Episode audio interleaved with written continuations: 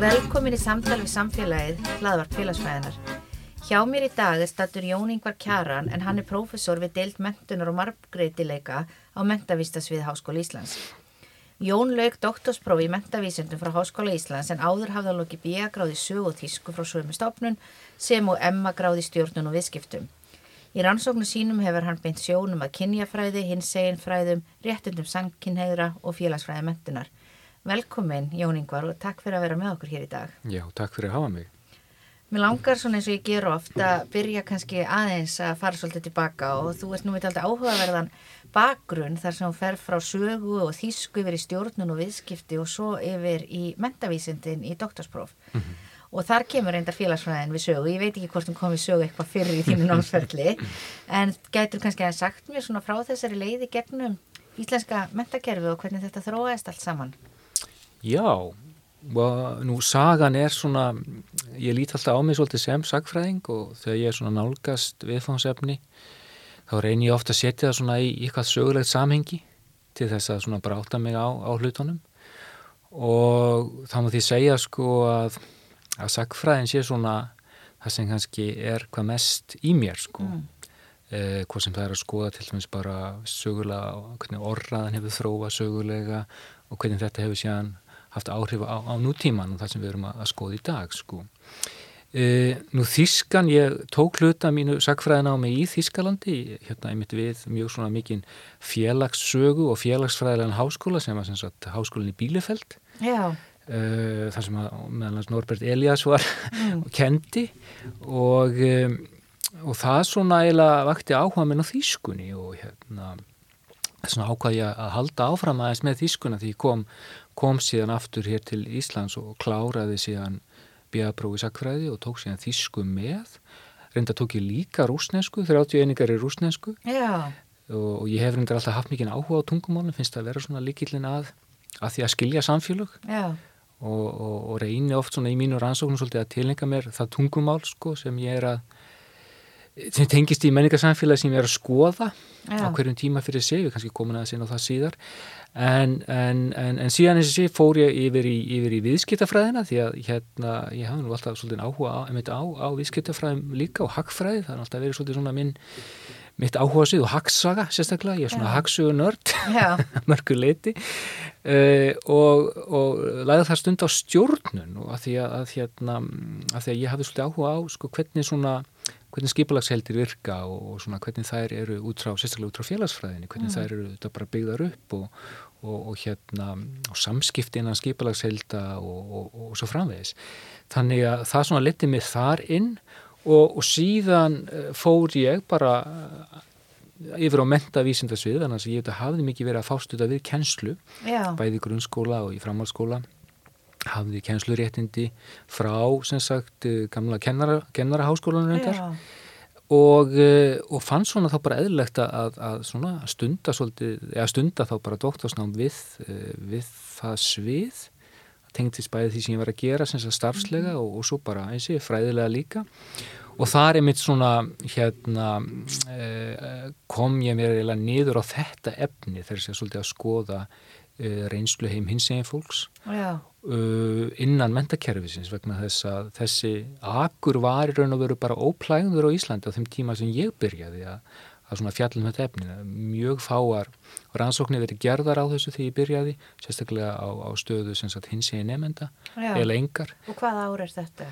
Þetta er svona, ég byrjaði þarna 2009 Já En það síðan þá hefur mjög mikið vatnrundi sjávar og, og, og fleiri og fleiri eru þetta sem bara betur fyrir farnir að stunda hins í rannsóknir hvað sem það er innan, innan félagsfræðinar eða, eða mentavísinda eða jafnvel núna innan mikið innan sakfræði og, og bókmenta mm. þannig að, að, að það er orðin mikil gróska í þessum, þessum fræðum sem var ekkert svo mikil Já. þegar hérna, þegar ég allavega byrjaði þarna 2009 hafði nú verið skrifað eitthvað um þetta og mjög góð til mis reykjar sem byrtist í skýrni eftir hann geir og um einmitt hinsegin fræði og, og þetta hugtaka hinsegin mm.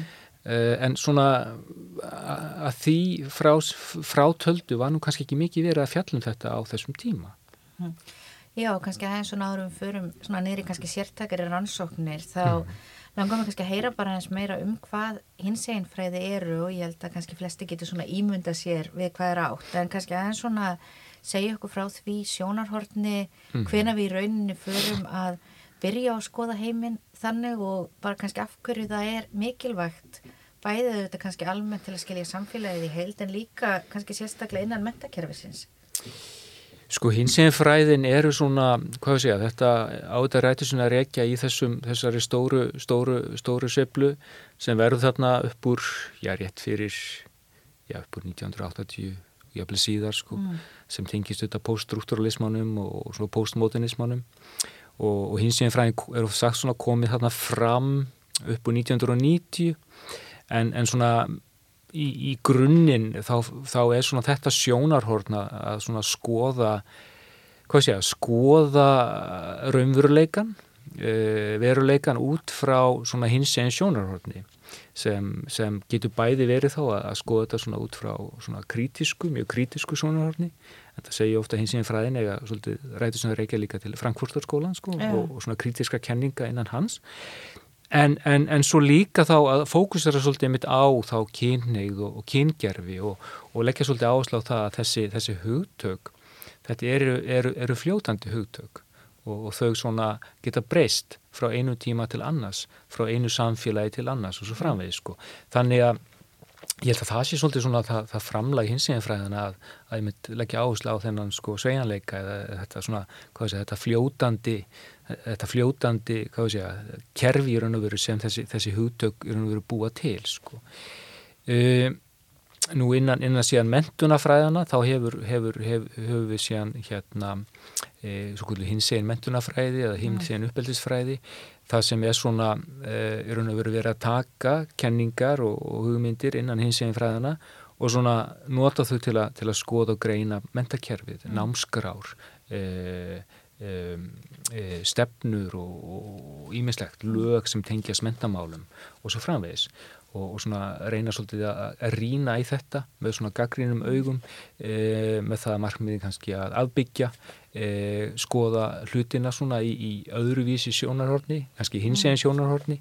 Þannig að það má segja kannski eins og með bara með hérna feminisman mm. og svona kritískan feminisma að, að þegar maður er að lesa gögnin eða, eða, eða skoða, skoða, skoða eitthvað, eitthvað tiltekið viðfórsefni þá setur maður upp svona hinsegin gleru alveg eins og, eins og ef maður er að stunda feministka rannsóknir þá setur maður upp svona feminísk gleru ef svo maður orði komast. Já, við tölum nú um félagsfræði gleru og félagsfræði gleru sko, akkurat.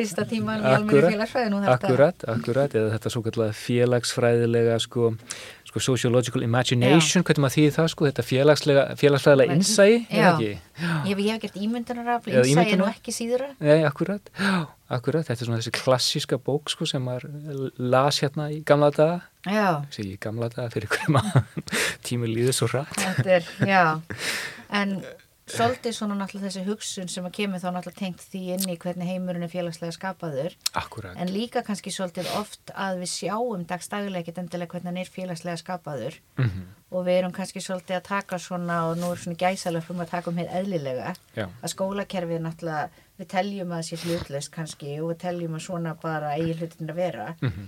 en sjáum kannski ekki að það er í rauninni mjög kannski byggt á gangkynneigri hugmyndafræði Akkurat, akkurat. Og það er svolítið líka sem hins einn fræðin eru að, að draga fram að það eru þessar valdaafstæður og, og svona þetta, þessi völd sem við kannski sjáum ekki fljótu bræði en þegar við fyrir að rýna ofan í, ofan í hlutina þá kannski, þá sjáum við sko jú hvernig svona skólakeri við heldur ákunni viðmiðunum, ekki bara kannski jú gaginn hefðu viðmiðunum en líka svona ákunni, sína á hvernig við eigum að vera og hvernig við að haga okkur. Mm. Þannig að þetta er þetta, þetta mótandi afl sem, sem kerfi í raun og veru og þá þetta í gegnum orðræðuna og, og í gegnum ímiskonar aðtapnir e, hafa sko. Mm. Og mér langar kannski aðeins að spörja því að þú nú sagt orðræða hér nokkru sinnum og þannig að bara svona aðeins, veist, hvað áttu við með þegar þú ert að tala um að greina orðræðuna, hvernig mm. hún breytist hvað mm. er það sem þú ert að skoða og líka af hverju er orðræðin svona mikilvægt? Hvað er hún að í rauninni gera til að hafa mhm. áhrif á okkur? Mm -hmm.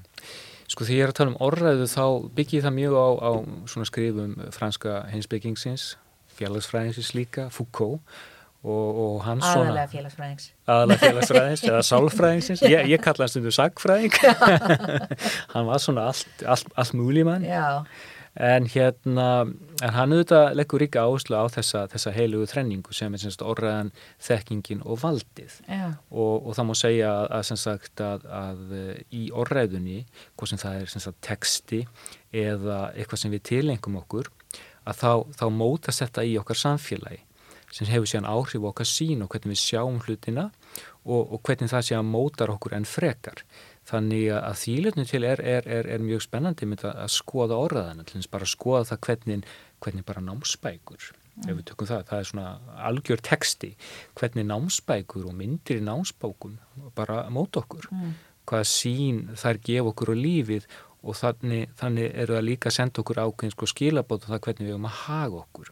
Þannig að það er svona ákveðin ögunavald í, í orðaðinu um mm. það hvernig við erum að haga okkur, hvað við hefum að segja, hvað við hefum ekki segja og svo framvegs. Og Foucault hefur svona talað um þetta líka frá þessu franska, eh, eða líka á ennsku, þessu, þessu húttæki sem kallast dispositives, mm.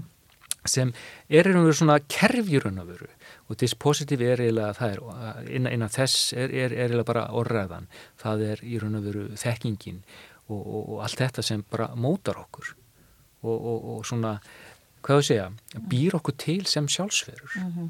og við tökum sem dæmi bara núna hvernig eh, bara samfélagsmiðlar eru, eru að hafa mjög mótandi áhrif, sérstaklega með það ungt fólk, Instagram og Snapchat, mm -hmm. að þau fá alls konar svona skilabóð þaðan um það hvernig þau auga að haga sér, hvernig þau auga að líta út og svona framvis og þetta eru allt saman orðræða, mm. þannig að þó svo að við auðvitað lifum í þessum materialiska heimu og við mögum alltaf gleyma því að við erum auðvitað af, af holdi og, og við erum, við erum holdgerð sem einstaklingar en, en þá erum við líka að lifa mjög mikið í þessum sko tákræna heimi, orðræðunar og mynda og slík sko sem, sem einmitt hefur mikil áhrif á þetta, þetta, þetta áhrif á holdiðrönnum eða líkamann sko. Og sem eru þetta að segja okkur að einhverju leiti hver við erum, hvað við getum, hvað við mhm. megum Akkurat. og líka náttúrulega einhverju leiti hvað er eðlilegt og hvað er óeðlilegt, hvað er sínilegt og hvað er falið. Akkurat, eins og til dæmis með kynneigð að, að, að, að hér, hér áður fyrir á Íslandi var, var, var samkynneigð, við tökum bara það sem dæmi, e, talið verið eitthvað sem væri mjög aðbreyðilegt mm. e, til langs tíma en, en svo þetta verður þessi, þessi bara stökk breyting á mjög skömmum tíma að Íslandi einhvern veginn stekkur frá því að vera hérna svona frekar homofóbið samfélagi yfir því að vera nokkuð svona umburðalind, mm. gagvart allavega ákveðnum hópum innan, innan, innan hins einn samfélagsins og, og, og nú til dæmis eru við líka að sjá það með bæði trans og, og svona kynsegin fólk að, að, að svona orraðin í tengslu við, við þann hóp er að breytast mm. og hérna fólki svona eh, almenningur er, er svona farin að ég veit ekki, ekki hvort maður sé að fann að skilja þessa hluti betur en, en svona það er komin einhvern veginn svona meiri skilningur uh, svona hægt og sígandi en, en hvort að við séum að fullu komin þarna á þann stað að, að við búum í gjössanlega uh, fordómalauðsu landi, það, það vil ég nú ekki segja sko. Nei, ég held að það sé frekar uh, ó, ólíklegt og Já. hvort að það sé einhvern tíman mögulegt er líka Akkurat spurning en það er mitt og við sjáum það með viðþór til dæmis hvernig breytast á Ísland og við séð það í sem alþjóðlegu könnunum mm -hmm. til dæmis viðþór kakvar samkynneið sem minnist á að í rauninni við förum frá því á tiltöla skömmum tíma að vera bara með einna mestu fordómana Akkurat. yfir í það að vera þá sem við segjum of nummer eitt af því að það er nú kannski oftast þannig að við teljum að minni fordómar séu eskilegri heldur en meiri fordómar Það er meiri, svo. já, já, og algjörlega. það er í rauninni sérið ekkert annað land í rauninni með eins svona, hvað segir maður svona svona línu sem að senst fyrir svona eins háttu Akkurat. þannig að sem breytingarna gerast mjög hratt Akkurat Þarna þarf maður líka með þetta að hafa í huga sko, það er þetta tvent þarna sko, við erum annars vegar með viðhorfin mm. og síðan eru þetta með lagaraman og reglurnar sko. Að, að það eru sum lönd sem er nú kannski frekar eh, framalega að það kemur til þess að lögum og reglugerð en svo maður kannski velta fyrir sig hvort að viðhorfin hafi, hafi tekið miklum breytingum sko því að maður spyr sér sko ok, auðvitað eiga lög og reglur að einhvern veginn að endurspegla svona viðhorf þjóðarinnar en svo er auðvitað þeir sem kannski hafa mest áhrif á að, að búa til þessi lög og þessi reglur eru auðvitað ákveðin svona kannski elita, stjórnmála elita sko Já. sem er ofta á tíðum frekar umburðalind, e, mentu og svo framvegið sko. Já, nokkvæmlega en mér langar að fara aðeins í að tala meira um doktorsverkefni að sé mhm. kannski svona komin svona svolítið tími síðan þú gerðir það en þá varst þeim með sérstaklega að skoða reynslu hins mhm. eginn nefnda innan mhm. mentakerfisins og kannski þú geti sagt mér aðeins frá því hvað var svona stóra rannsóknarspurningin sem þú varst að fást við og hvað var það sem þú varst að skoða? Hvernig gögn varstu með og fúst í skólan að tala við nefnendur Já, stóra rannsóknarspurningin var eiginlega að svona að, að, að, að svona reyna að draga fram svona þeirra sín, þeirra reynslu og, og sérstaklega þá þegar komað ákveðnum líkil hugtökum sem ég var svolítið að vinna með á þeim tíma. E, annars vegar var það sem sagt gagginheiðar higgja sem á ennsku er kallað heteronormativity og, og svo var það heterosexismi sem svona er kannski fyrir erfitt að þýða, maður kannski kalla það sem gagginheiðar remba mm -hmm. uh, og heterosexismi gerir ráð fyrir því til dæmis að allir séu uh, gagginniðir og, og svona að all viðmið miðist við það sko og ég var svolítið svona að reyna að draga fram hver svona reynsla þessara nefnanda e, væri þá innan skólakerfisins. Og uh, ég tók viðtöl við uh, fjöldanallan af nefndum sem, sem skilgjöndu sig sem hins einn bæði samkynheiða nefnendur, tvíkynheiða, transnefnendur og uh, svona megin niðurstaðan á þeim tím og þetta var svona í kringum 2010, 2011, 2012 að, að svona öll er að höfðu svona ákveðna reynslu og þetta voru framhalskóla nefnendur af uh, sem sagt bæði fordómum og, og sérstaklega þessari, þessari svona gagginheiðar rempu bæði mhm. frá kennurum og, og samnefnendum. Uh, Ég held nú reyndar að það hafi nú talsett breyst síðan mm. þetta, þessi, þessi rannsókn var gerð en, en enga síður hafa, hef ég nú verið að vinna að ýmsum svona rannsóknum með, með mínum bæði emmanemendum og þar virðist nú eitthvað eima en þá eftir af þessu og, og svona nýlegar, nýlegar kannanir til dæmis þess sem samtökin 78 uh, gerðu held ég fyrir um ári síðan minni mig en reynda var súkonnun aðalega fókusjöruð á, á grunnskólan og svona efri bekki grunnskólans að þar kemur, kemur reynda fram að, að, að, eh, hins ég nefnundur e, eigi mjög erfitt uppdráttar en. Í dag 2021 sko. Að þeir eiga sagt, verða enn fyrir aðkasti e, eiga erfitt jafnveg með að fóta sig svolítið sko, fá mm. kannski ekki eins mikinn stuðning og svo framvegist þannig að, þannig að en, en, en er þetta til staðar og, og hérna og kannski hefur breyst að einhver leitinu til. Umræðin hefur opnast, ég held að kennara sé að verða meira opnari fyrir þessu mm. og svona meðvitaðri um, um þessa, þessi atriði en, en enga síður þá, þá þetta er, er enn en svona ákveði starf sem þarf að vinna þarna. Og heldur að sé eitthvað því að mjög mjög áhugavert og bara náttúrulega kannski daldið langt sen við vorum í skóla og ég sá að ég var að skoða þetta við erum fætt sama ár. Já, ok. Og þarna, og mér erst áhugavert eins og núna sem sérum með krakka eins og Já. kringum sem kannski eru 5, 6, 7 ára Akkurat. og eru bara oft kannski jafn mikið að tala um að vera skotin í stráku eða stelpu og leikskólanum eða eitthvað slíkt já, já. þú veist, hvað svona að því nú annars vegar kannski tölum við svona um svona kynnslóðabreitingar og hins mhm. vegar um oft náttúrulega við verðum íhaldsamari og mhm. samfélagin er meiri tökum á okkur eftir mm -hmm. að við verðum eldri þannig einhvern veginn svona þegar maður velti fyrir sér sko þessum breytingum eins og við sjáum kannski krakk í dag sem að mhm þetta greinlega skipti minnamáli heldur en því menn það var ekkert í bóði á held ég okkarleikskólum að mm -hmm. láta sér eins og þetta í huga að vera skotin í stelpu mm -hmm.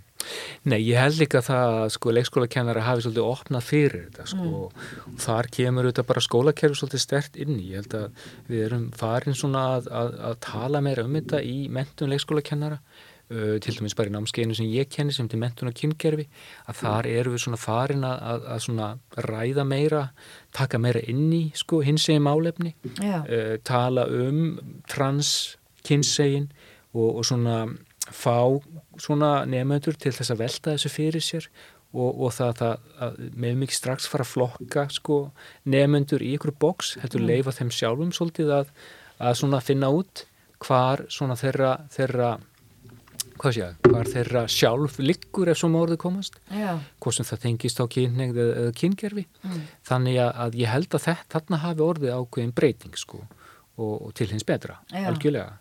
Og, og hérna og um að gera um þetta að leifa krökkunum svolítið að, að hérna að, að, að finna sig. Já.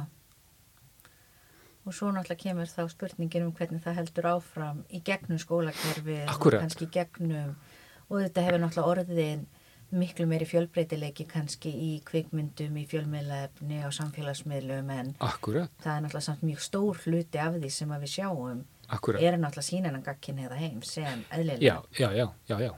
Það er auðvitað þannig sko en, en eins og þessi fjölbreytileiki er orðin miklu sko mm.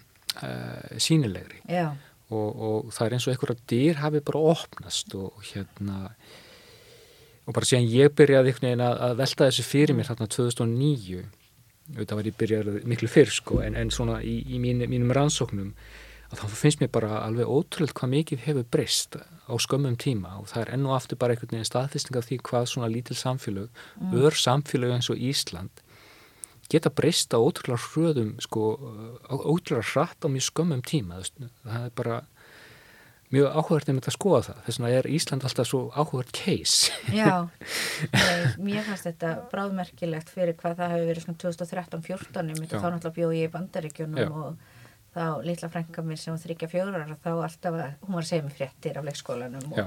þar voru meðal annars að strákar mættu verið í kjól og stelpur mættu verið skotnar í stelpum og, og það var náttúrulega kannski ekki alveg þar sem bandaríski veruleikin var á þeim tíma. Nei og sjálfsagt og náttúrulega sérstaklega ekki og hvernig ég hafði upplifað Ísland þegar ég flutti síðan. Akkurat. þannig að þetta er náttúrulega alveg greinilegt að það já, sem er náttúrulega bara mjög jákvægt Já, já alveg, alveg útrætt sko og hérna, og þetta bara þessi, þessi, þessi, þessi hluti af, af réttindabarátunni hann hefur bara, eins og þetta er einhvern veginn bara verið svona umbreyting sko, rosalega umbreyting á mjög skamum tíma sko, ég maður bara sjálfur eftir því þegar maður var að velta þessu svona þarna meira fyrir sér sko sko fyrir 2009 sko að ég var líka að kenna og var kennari og, og hérna var líka að fylgjast með þessu uh, frá þeim vettfangi að, að hérna hvað lítið var um sínileikan og, og, og hérna og lítið um bara einhverja fyrirmyndir Já. fyrir krakka Ég, ég meni ég, bara maður náttúrulega uh, ólst upp út á landi í bæjarfélagi sem var 2000 já. og ég menna sjálfsagt var einhver samkynhauð þar. Við vitum það já. eftir öllum tölum. En já, ég menna ég get ekki sagt þér það bara var ekki hluti af bæjarmyndinni. Akkurat, að það akkurat. bara væri akkurat. þú kannski vissir í Reykjavík væri það kannski til. Já, en mér langar líka kannski að fara í að því að sko það er svo mikið af þessum hlutum sem að ég held um þetta hins eginn fræðin sín okkur fram á sem eru hlutir sem að kannski við hugsum rúslega lítið um eða hugsum mm. aldrei um og mm -hmm.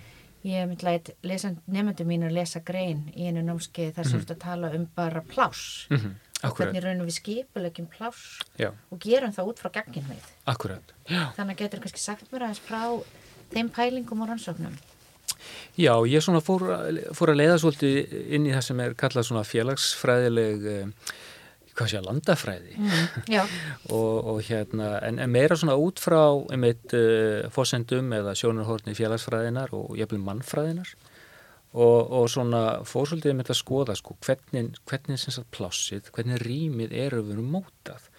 Og, og sem sagt rými eru þetta að mestu leiti félagslega mótað. Mm. auðvitað hefur, hefur til dæmis tiltekkin bygging eða arkitektúr hún hefur ákveðna svona hugmyndafræði og er mótið af eh, arkitektinum.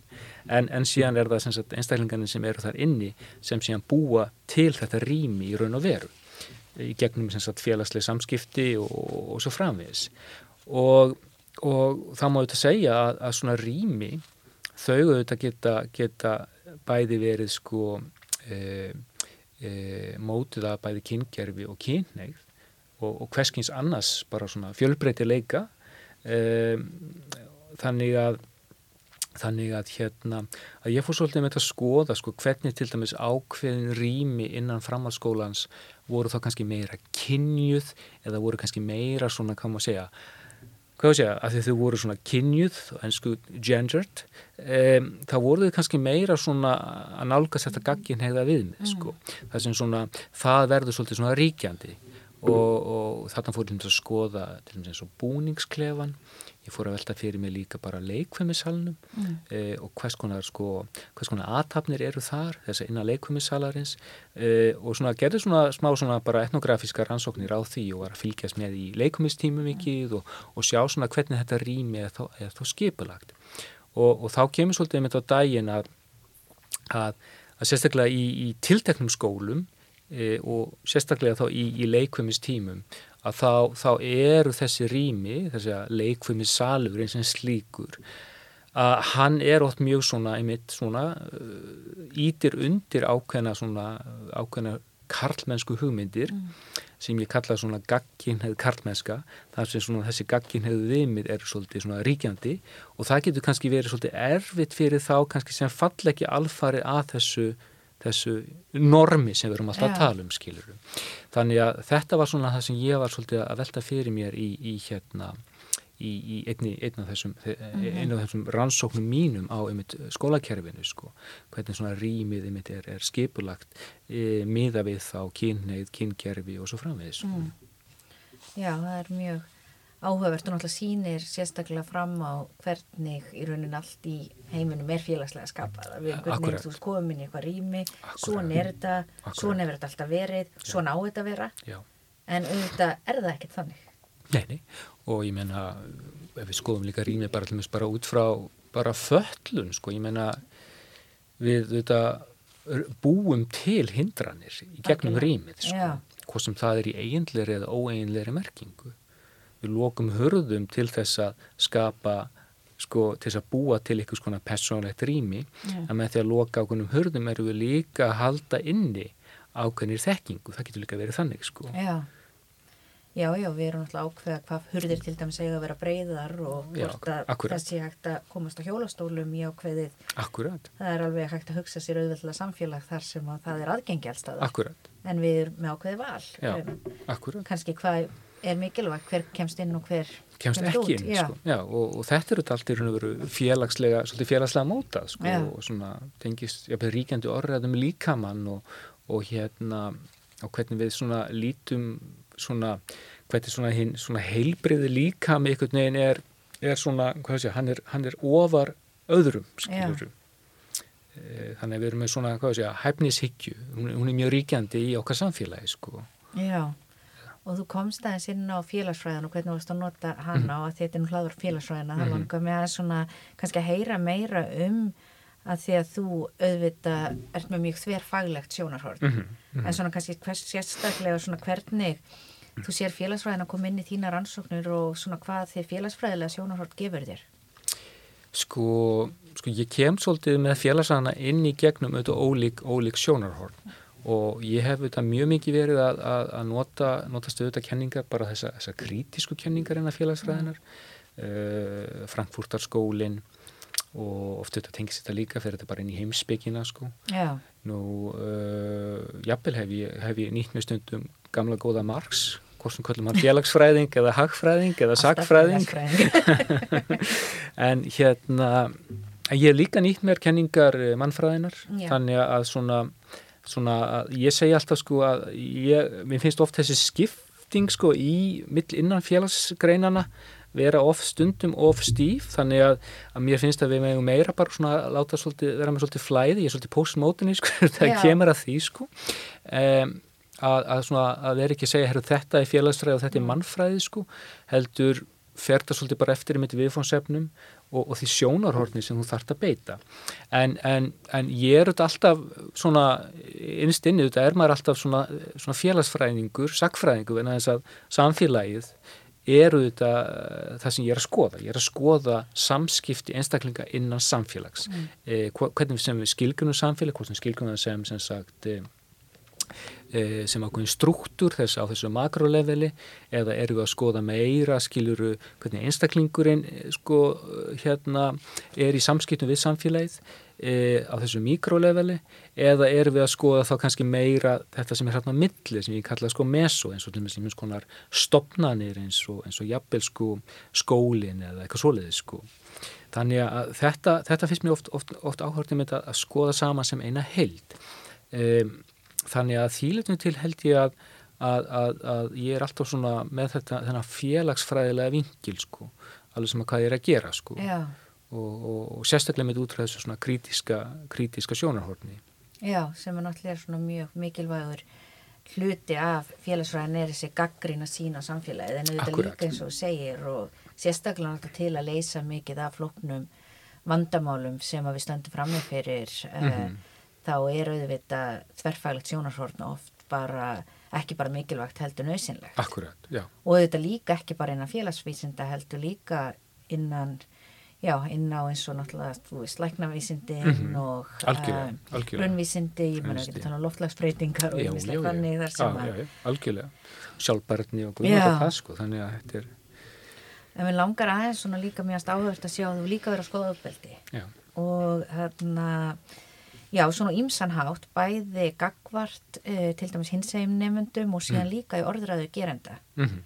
Mm -hmm. og mér langar kannski að þú myndir byrja og segja mér aðeins frá því fyrirnemda hvernig þú hefur skoðað það semst á gagvart hins sem nefndum á Íslandi mm -hmm. Þá má kannski segja sko bara sem ég byrjaði að stunda rannsóknu þannig að 2009 með minni, mínu doktorsnámi þá, þá hef ég alltaf verið með annan fótinn í óbeldinu mm. ég meina gaggin hefur higgja heterosexismi eru þetta ekkit annað en óbeldi Já.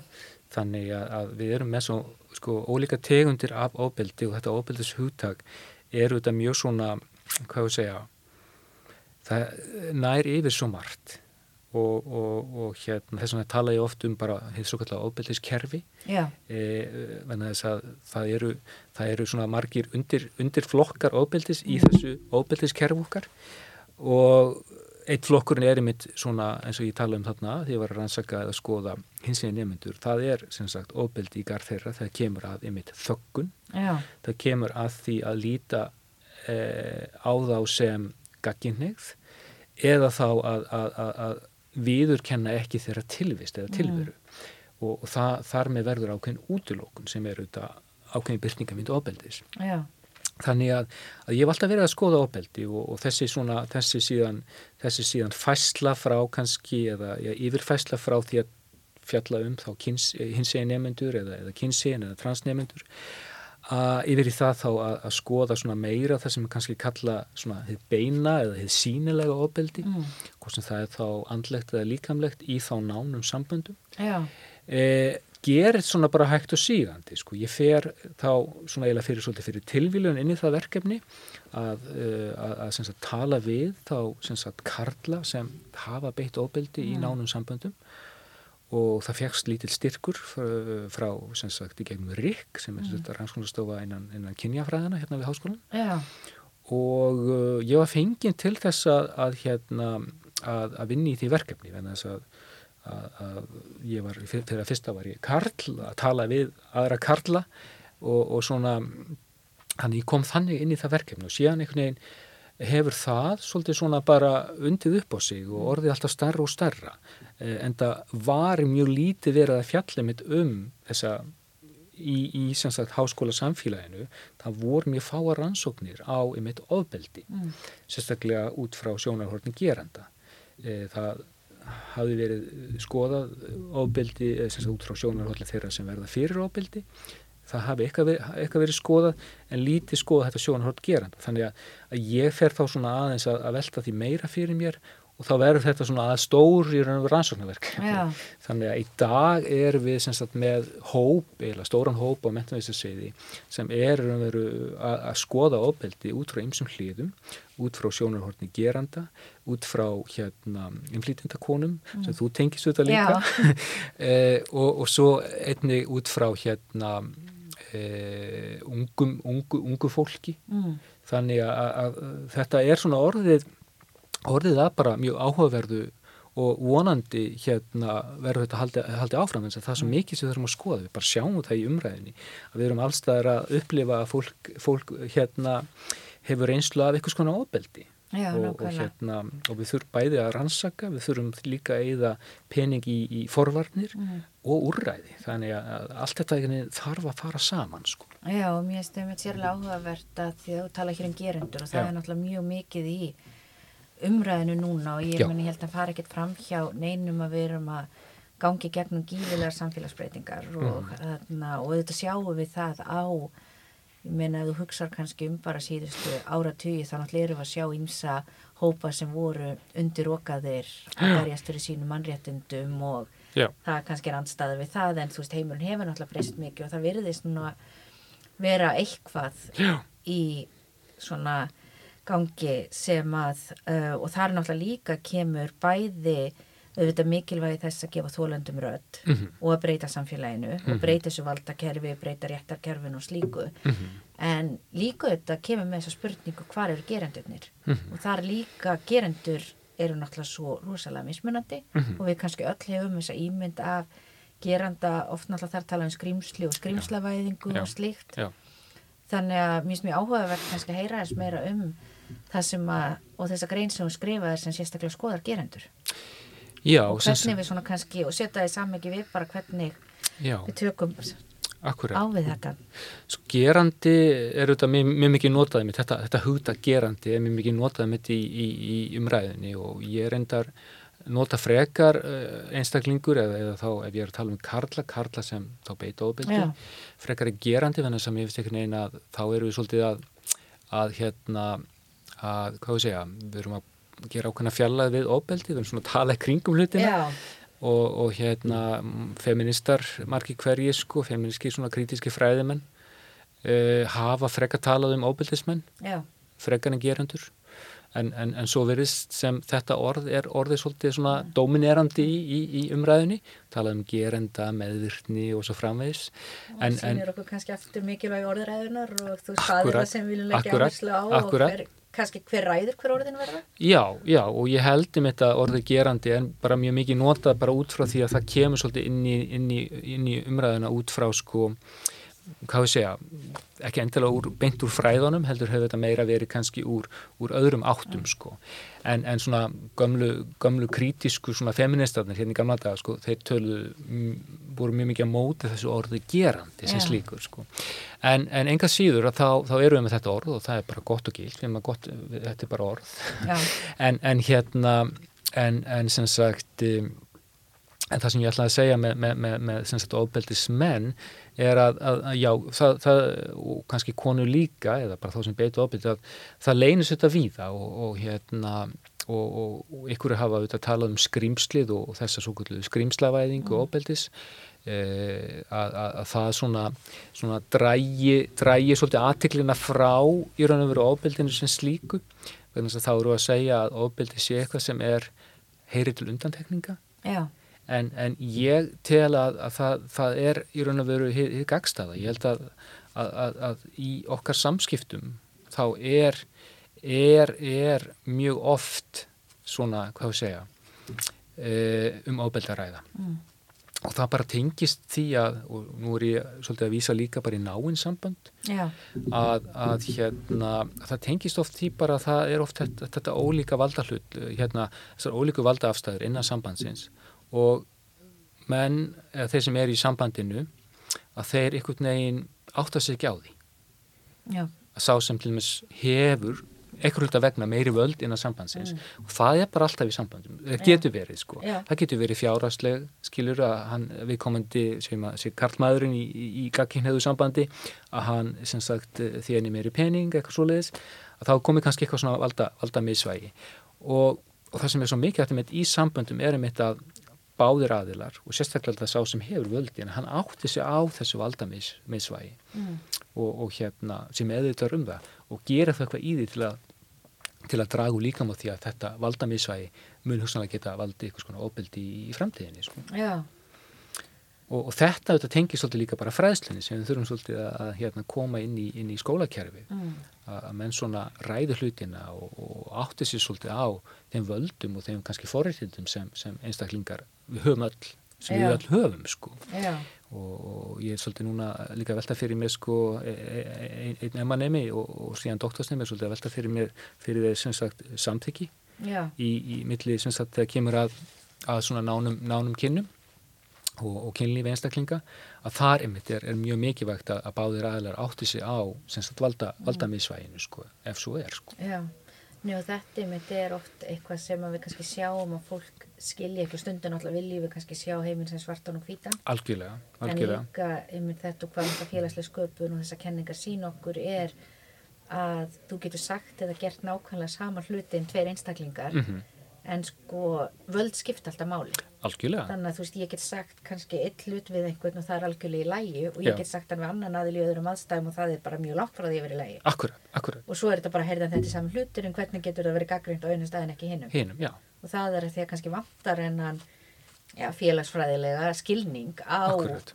völdum, völdum. og valdastruktúr og akkurat, akkurat, algjörlega. Þetta er, þetta er mjög góða punktur sko og, og, og þetta gleymum við og bara það er bara því við höfum ekki fræðslu með þetta sko.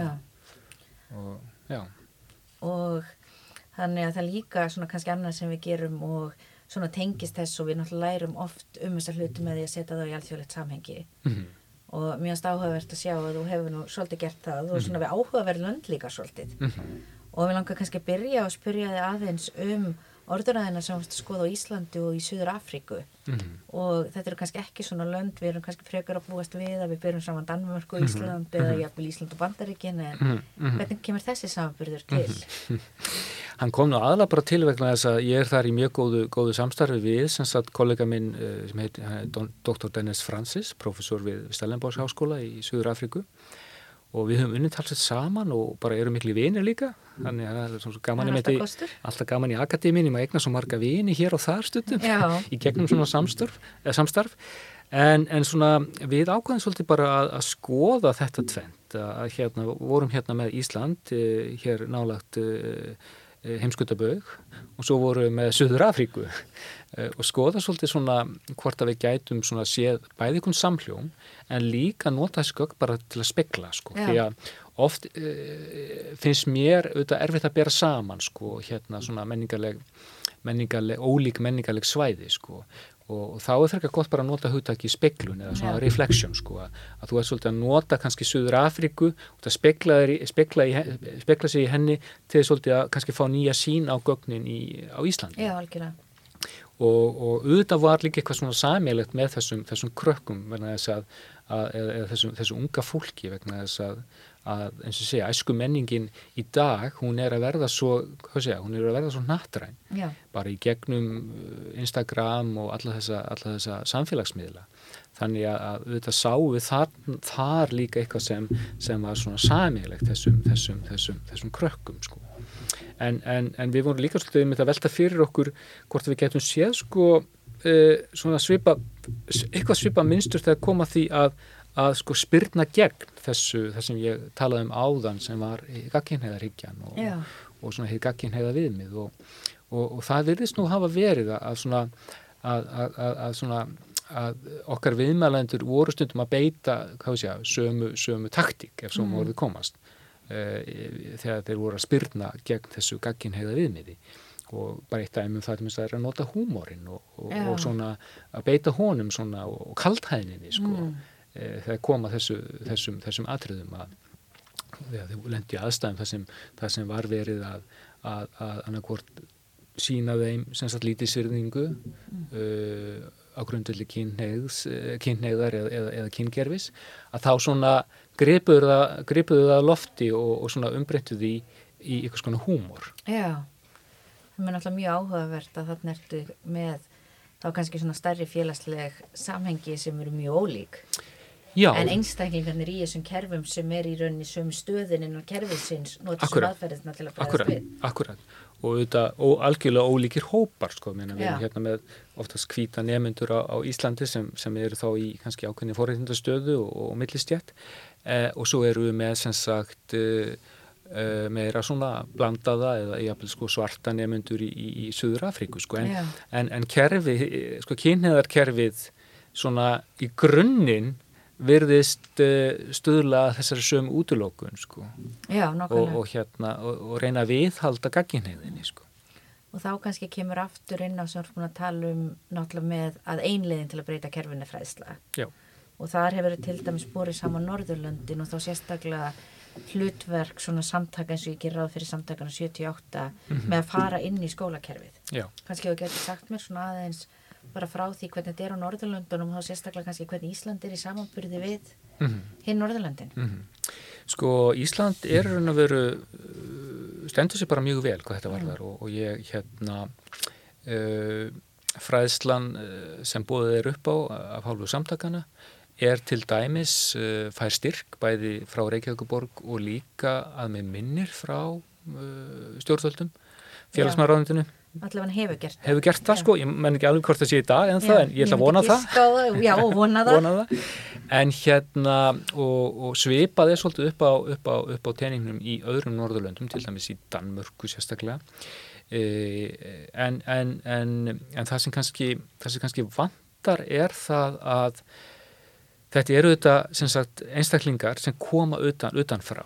Þeir koma kannski einu sinni, tvisa sinnum inn í skólana, kannski ári eða koma einu sinni ári fyrir eftir þetta skólum hvar þeir eru staðsettir og það eru skólatni sjálfur einhvern veginn sem þurfa að byggja um þessa fræðslu. Þannig að það er ekki alveg sjálfgefið að það sé eitthvað aðgengi inn í skólana fyrir þess áttar fræðslu. Og oft er þetta oft í tengslum við svona, hvað ég segja, ákveðna daga innan skólana, hvað sem það eru jafnbryttistagar eða eins og er í MH, ykkur svona hárgreðslu dagar, eða þetta mm. kallast nú og, og hérna Lagningardag, lagningardag já, já hárgreðslu dagar Sýstu mín var í MH, já, okay. ég er ekki svona vel Ég var ekki í MH, sko, ég kannar heyrist ég. Ekki veldur Ég var leitað svona sirka rétt hárgreðslu dagar Já, það er svolítið flott, hárgreðslu dagar en, en hérna en, en, en það sem kannski þyrrt að gera er að þetta þyrrt að vera miklu skipilagra Já. og vera meira svona hluti af, af fræðslunni og, og þá svona innan skólana þannig að hérna að það sé ekki bara eitthvað átak heldur, heldur sem meira svona gert í þessu e, innan einhvers sko, innan einhvers fags, hvað sem það er lífsleikni, mm. einhvers konar kinnfræðsla eða sambandsfræðsla eða kynjafræðum er eitthvað slíku mm. sko og, og þetta, þetta kemur þetta alltaf aftur upp eins og til dæmis bara núna nýlega um, um það sem ég kalla hér mikla kirkingarmál sko mm. það sem sko uh, til dæmis feministar skiptust í ákveðna hópa það kemur að fræðslu um, um til dæmis kirkingar og BDSM sko yeah. þannig að, að ástæðan kannski fyrir þessum, þessum, þessum núningi og þessari, þessum klopningi kannski er, er svo að við eigum svo er með að stað, staðsetja þess, þess aftar fræðslu, hvað sem það er kynfræðsla, sambandsfræðsla eða eitthvað skonar hinseginfræðsla mm. vegna þess að það er ekkert svona, það er engin rammi í kringum þetta mm -hmm. það er kannski sem það þarf að gera sem, og, og það kannski getur vel verið að við getum bara haft kynjafræðina að, að hún myndi þá einhvern veginn búa til meira rými fyrir kannski þess aftar fræðslu mm.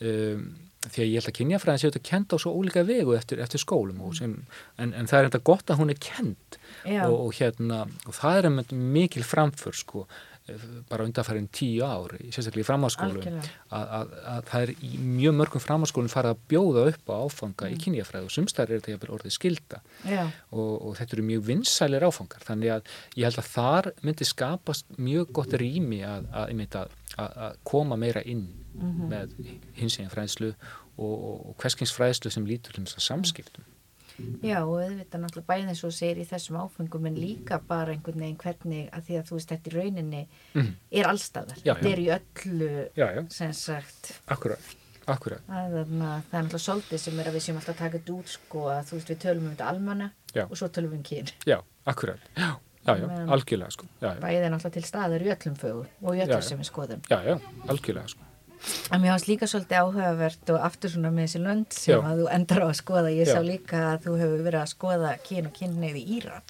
Já. hvernig kom það til? Það kom nú aðalega til að, að hérna, ég hef náttúrulega haft mikið áhuga á Íran og, og hérna og fór síðan eina ferð til Írans 2015 eh, og heitlaði svo mikið að landa og þjóð og egnaðist þar mikið af vinum og kunningjum og ákvað síðan að, að hérna að í raun og veru að sapna gögnum Já. tala við sem sagt eh, homma aðla, ég hafði aðla aðgengi að, að, að, að hommum og, og stundar svona etnografíska rannsóknir í Íran í eitthvað smá tíma Já. fór þá í kjölfarið í nokkura ferðir sko.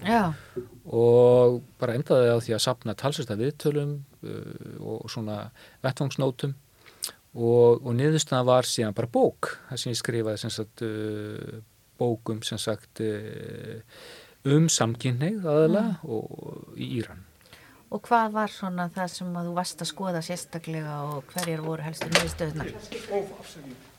Það sem ég var að skoða aðalega og það sem kannski vakti svo mikið áhuga minn var hvernig Íran, hvernig talaðir var um Íran á Vesturlöndum. Mm. Það var alltaf talað um Íran sem dauðaríki hinn að samkynniðu og áherslan var alltaf á þetta neikvæða.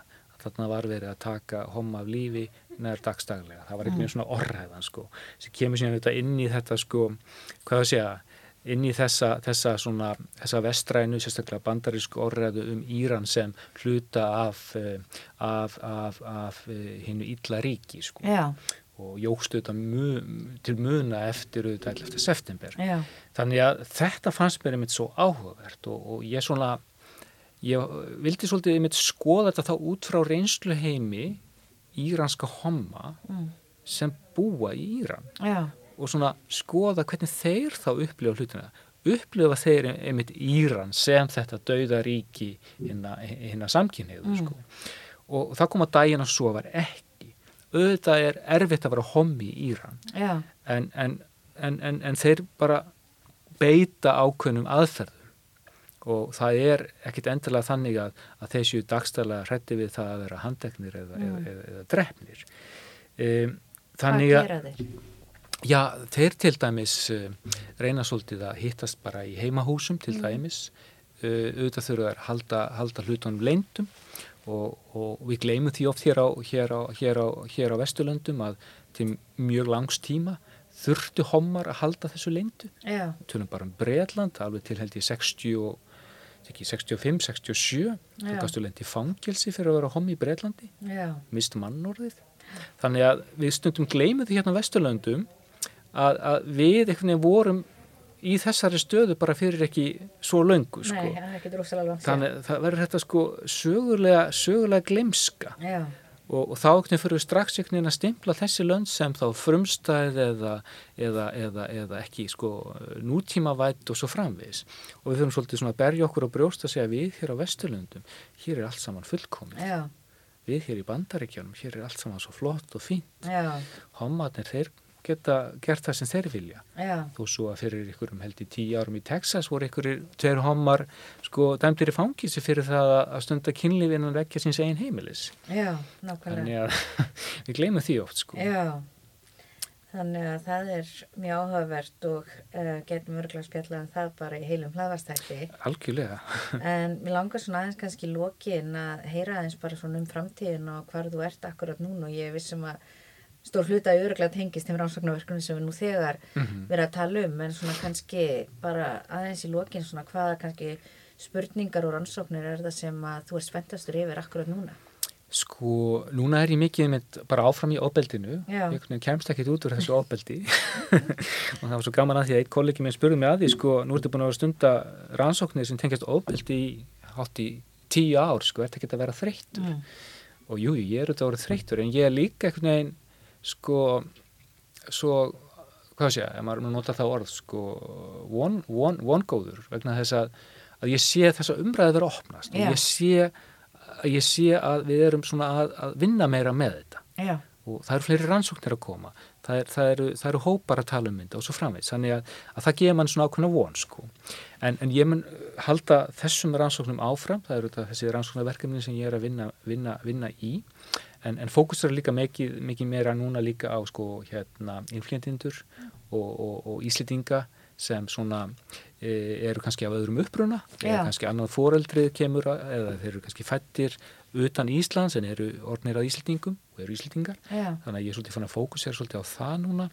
E, en líka er ég mikið að velta fyrir mér aktivisma sérstaklega svona hinsegin aktivisma mm -hmm. og svona skoða svolítið hvernig hann hefur þróast og, og breysti gegnum tíðina bæði á Íslandi en svo er líka er ég að vinna núna að bókum Indonési og Malasíu og aðalega fókusum þetta á hins eginn aktivisma. Já, hvernig kom það til?